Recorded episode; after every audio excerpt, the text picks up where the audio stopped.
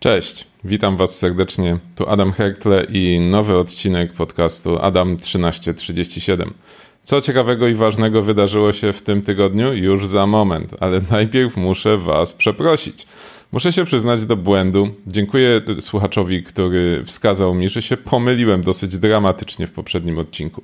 Opowiadałem o technice hakerskiej Living off the Land i słuchajcie, całe życie tkwiłem w przekonaniu, że chodzi o to, że to ci hakerzy się unoszą nad ziemią i jej nie dotykają, nie dotykają dysku, nie, nie przynoszą swoich narzędzi do środowiska, które atakują. A tak naprawdę po prostu mój angielski był słaby i czego nie wiedziałem, to sobie wymyśliłem. I okazuje się, że living of the land oznacza wyżywienie się z tego, co ziemia daje, czyli tak naprawdę korzystanie z narzędzi, które zastajemy już w atakowanym środowisku. Więc no, pomyliłem się naprawdę bardzo, bardzo, także dziękuję za to, że mi to wskazaliście. I jak się znowu pomylę, to nie zapomnijcie mi też o tym powiedzieć, to się w kolejnym odcinku poprawię. A dzisiaj będzie 5 newsów, ale zanim o tym, to z3s.pl patronite.pl/1337. Tam znajdziecie linki do wszystkich odcinków i platform podcastowych. Jeżeli gdzieś mnie nie ma, to oczywiście dajcie znać. Linki do artykułów, które omawiam, oczywiście znajdziecie w komentarzach, w opisach podcastów. Tam wszystkie materiały dla tych, którzy wolą czytać. Oczywiście także RSS-y, no i wszystkie inne metody słuchania jak najbardziej zapraszam do używania. A teraz do rzeczy, czyli pięć najciekawszych i najważniejszych ataków tego mijającego tygodnia. Po pierwsze, impreza o nazwie Pawn to Own, już z wieloletnią tradycją organizowaną przez firmę ZDI, e, która skupuje eksploity i robi podczas niektórych konferencji takie demonstracje, gdzie można przyjechać i pokazać swojego eksploita, dostać nagrodę, dostać punkty, a kto zbierze najwięcej punktów, ten dostaje jeszcze ekstra nagrody i ekstra tytuły. No i to jest taki trochę pokaz możliwości włamywaczy z całego świata. Właśnie skończył się najnowszy odcinek Pawn to Own, i kto został zhakowany. Szybciej byłoby chyba powiedzieć, kto nie został, chociaż nie do końca, a o tym za moment. Więc słuchajcie, e, podniesienie uprawnień na Windowsie 11, 7 udanych ataków, 7 różnych ataków, bo tam nie było chyba, o ile pamiętam, kolizji błędów. E, jeśli chodzi o analogiczne ataki na Ubuntu Desktop, to było 5 i znowu zupełnie niezależnych metod pokazanych w ciągu 3 dni przez kilka różnych zespołów. 3 zdalne wykonanie kodów w Teamsach, czasem połączenie kilku błędów jeden udany atak na VirtualBoxa, wyskok ze, ze środowiska wirtualnego, jeden udany atak na Firefoxa i jeden udany atak na Safari i dwa chyba oba nie do końca udane ataki na Tesla. No więc wygląda na to, że nie ma dzisiaj już świętości, wszystko da się zhakować, ale czy na pewno wszystko? Organizatorzy mówią o udanych atakach, ewentualnie o planowanych, ale nieudanych, natomiast na liście potencjalnych celów tego konkursu było tych platform dużo więcej. No i teraz pytanie, kto nie został zhakowany, mimo iż był na liście dozwolonych celów. Więc na liście celów środowisk wirtualizacyjnych mieliśmy i VMware Workstation, i VMware ESXi, i Microsoft Hyper-V Client, y, który był jeszcze na dokładkę wyceniony najwyżej ze wszystkich. I tak jak na przykład Hyper-V było wycenione na 250 tysięcy dolarów nagrody, tak VirtualBox był na 40 tysięcy i VirtualBox został skakowany, a Hyper-V nie. Były także przeglądarki takie jak Chrome i Edge i okazuje się, że no, nikt nie podjął się pokazania zero daya na Chroma i na Edge'a. Co mnie bardzo zaskoczyło, chyba co roku były udane ataki na Adobe Readera, a w tym roku nie było. Dlaczego nie było ataku na Adobe Readera?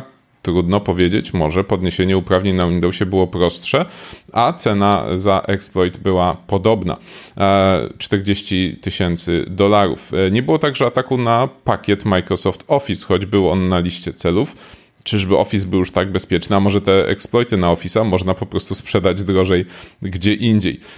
W sekcji serwerowej nie było w ogóle żadnych udanych ataków. Mieliśmy na liście dozwolonych celów i Windows RDP, i Exchange'a, i SharePoint'a, i Sambę.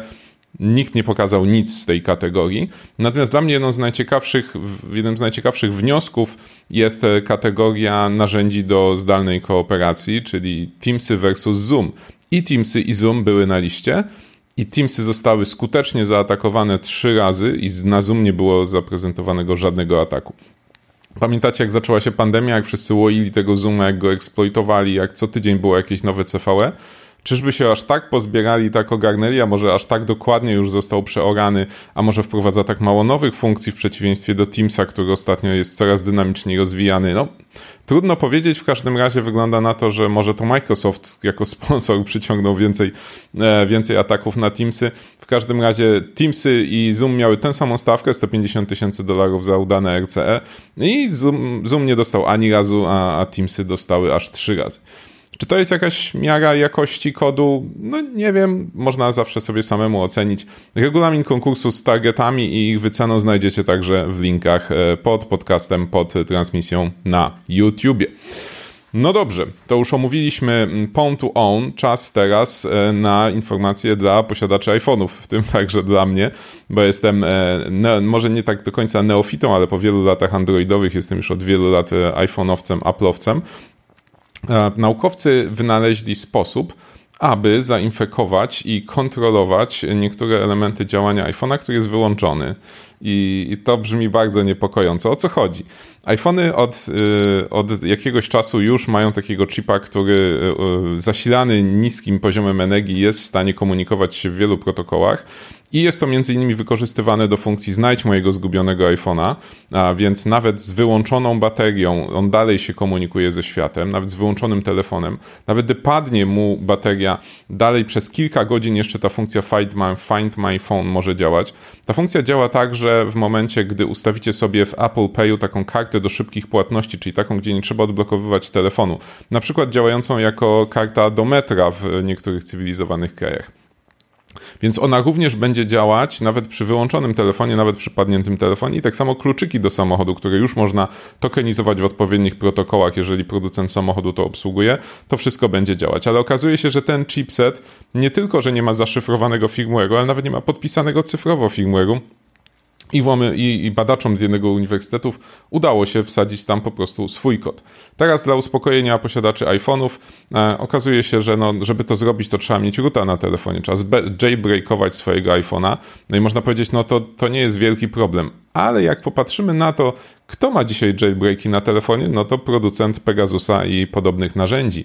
Więc wygląda na to, że może być to jakiś ciekawy mechanizm do wykorzystania przez firmy oferujące te najbardziej zaawansowane narzędzia szpiegowskie rządom różnych krajów. Więc czemu to nie było podpisane cyfrowo? Może to się wkrótce zmieni? Nie wiemy. Ciekawy case.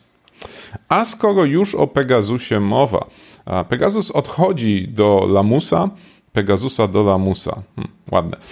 Natomiast oczywiście rynek nie lubi próżni, więc pojawiają się nowe narzędzia, nowi gracze na tym rynku i mamy między innymi firmę Citrox. Mamy m.in. firmę Citrox z produktem o nazwie Predator. E, Citrox obsługuje wiele różnych platform, ale Google e, uwziął się na tę część, która obsługuje Androida i zidentyfikował aż pięć niedawno opisanych dosyć szczegółowo zero dayów, cztery w Chromie i jeden w Androidzie. Oczywiście one zostały załatane, natomiast one były użyte faktycznie w łańcuchach ataków na użytkowników e, Androidów i ich za nimi stała firma Citrox oferująca Predatora. Oczywiście oprócz zero dayów używają też n dayów, czyli błędów, które nie zostały załatane przez producentów telefonów i na przykład był zero day na Chroma, który wymuszał przekierowanie, y, otwarcie linków w przeglądarce Samsunga, a następnie ten, ta przeglądarka Samsunga była już atakowana n dayem, czyli błędem znanym, tylko nie załatanym. E, znaleźli też łańcuch umożliwiający pełny, pełne wyskoczenie z e, sandboxa Chroma, co jest całkiem niezłym osiągnięciem ale także znaleziono jeszcze jeden łańcuch z wyskoczeniem z sandboxa, tym razem w oparciu o błąd w jądrze Linuxa. Dlaczego Google nie załatał na czas błędu w jądrze Linuxa, nie portował go do środowiska Androida? No bo ten błąd w Linuxie nie był oznaczony w kategorii security, więc nie doczekał się bug portingu do, do Androida. No, jak widzicie, e, środowisko e, telefonów komórkowych, środowisko smartfonów jest bardzo skomplikowane i dbanie o bezpieczeństwo tego środowiska opartego chociażby o Linuxa wymaga jednak niezwykłej czujności ze strony producentów, a przeniesienie tych wszystkich aktualizacji na wasze telefony zajmuje mnóstwo czasu i wysiłku i najczęściej po prostu do tego nie dochodzi, z czego korzystają tacy producenci jak Citrox ze swoim Predatorem. A teraz na chwilkę wracamy do oczywiście bardzo popularnego świata ransomware, bo jedna z najważniejszych grup ransomware Conti ogłasza koniec swojej działalności. Publiczne serwisy jeszcze stoją, te blogi i, i portale do negocjacji z ofiarami jeszcze były dostępne przynajmniej w sobotę. Natomiast e, okazuje się, że poszedł już komunikat do wszystkich współpracowników i została wyłączona wewnętrzna infrastruktura Conti czyli to miejsce, gdzie komunikują się ze sobą operatorzy, to gdzie grupa koordynuje swoje działania. E, zamiast rebrandingu, bo z reguły to wyglądało do tej pory tak, że jak któraś z tych grup ransomware się e, zamykała, no to po prostu przyjmowali nowy szyld, żeby zdjąć trochę z siebie ciężar swoich poprzednich wyskoków to przyjmowali po prostu nową markę i pod, nie, pod nią kontynuowali pracę. W przypadku Conti wygląda na to, że ta, ta, ta, działalność nie będzie już kontynuowana przez grupę w tej samej strukturze. I co Conti wymyśliła, jako w sumie chyba w tej chwili najpoważniejszy gracz na rynku ransomware, postanowili się rozdrobnić, przyjęli taką strategię partyzancką i zaczęli dołączać do innych zespołów ransomware, do tych mniejszych, mniej znanych, mniej mm, wyspecjalizowanych. No więc ci deweloperzy, ci analitycy, ci negocjatorzy, te zespoły pentesterów nie utworzyły swojego nowego teamu, tylko zaczęły się przyklejać do innych teamów w zamian za udział w zyskach, a dalej jest jedna grupa centralna, która trzyma nad tym całym biznesem władzę. Tylko teraz trudniej jest udowodnić, atrybuować tej grupie działania, ponieważ oni działają teraz pod szyldami innych grup. Nawet w jednej grupie przejęli w ogóle kontrolę e, nie zmienili jej marki, czyli tak jakby kupili mniejszą firmę i teraz pod jej marką będą swoje niecne czyny dalej kontynuować. No, sprytny sposób e, próby rozproszenia odpowiedzialności i uniknięcia bycia celem E, dronów, które, które przylecą i zrzucą im na głowę jakieś wybuchające zabawki. Tutaj oczywiście żartuję, mówimy o konflikcie z Kostaryką, którą zaszyfrowali. Ale skoro już jesteśmy przy ransomware, czas na piąty temat. Autor ransomware okazał się być francusko-wenezuelskim kardiologiem. Moises Luis Zagala González, 55 lat, mieszkający w Ciudad Bolivar, aktualnie w Wenezueli, został oskarżony przez amerykański Departament Sprawiedliwości o to, że stworzył ransomware Jigsaw, i stworzył buildera ransomware o nazwie Thanos, czyli takie narzędzie, które każdemu domorosłemu autorowi ransomware umożliwia zbudowanie swojego własnego ransomware, wrzucenie tam swojej notatki z żądaniem okupu i wysłaniem, zainstalowaniem na infrastrukturze ofiar. I okazuje się, że pan Gonzales nie tylko tego, to ransomware stworzył, nie tylko je sprzedawał, ale także nawet jeszcze szkolił operatorów, żeby im lepiej szło. A o wszystkim poinformowali organy ścigania dwaj informatorzy którzy nawet przekazali czaty, w których pan Gonzales tłumaczy, że teraz będzie zmieniał pseudonim ze względu na to, że za duże już ciśnienie czuje ze strony organów ścigania, więc zadbał o obsek, ale także czat o tym, że dba o obsek, wyciekł do organów ścigania, więc tak troszeczkę chyba nie do końca osiągnął efekt, który zamierzał. Natomiast no, z racji tego, że jest w Wenezueli, a Wenezuela jakoś nie za bardzo współpracuje ze Stanami, chyba nie został na razie zatrzymany. I słuchajcie, to wszystkie newsy na dzisiaj, na ten tydzień. Jeżeli Wam się podobało, to kliknijcie te łapki w górę, kliknijcie też subscribe, kliknijcie ten dzwonek, żeby Wam się wszystkie nowe odcinki pojawiały. Oczywiście czekam na Wasze uwagi i na wytykanie błędów. Bardzo to doceniam. Słuchajcie, ja się świetnie uczę pracując nad tym podcastem, więc polecam wszystkim nagrywanie takich podcastów. Bardzo fajna zabawa. E, widzimy się także dzisiaj o godzinie 21, jeżeli oglądacie to jeszcze w niedzielę a gościem programu Rozmowa Kontrolowana będzie Rafał Jaczyński, e, Chief Security Officer Huawei, więc będzie o czym rozmawiać. A my ponownie spotykamy się za tydzień o 13.37. Cześć!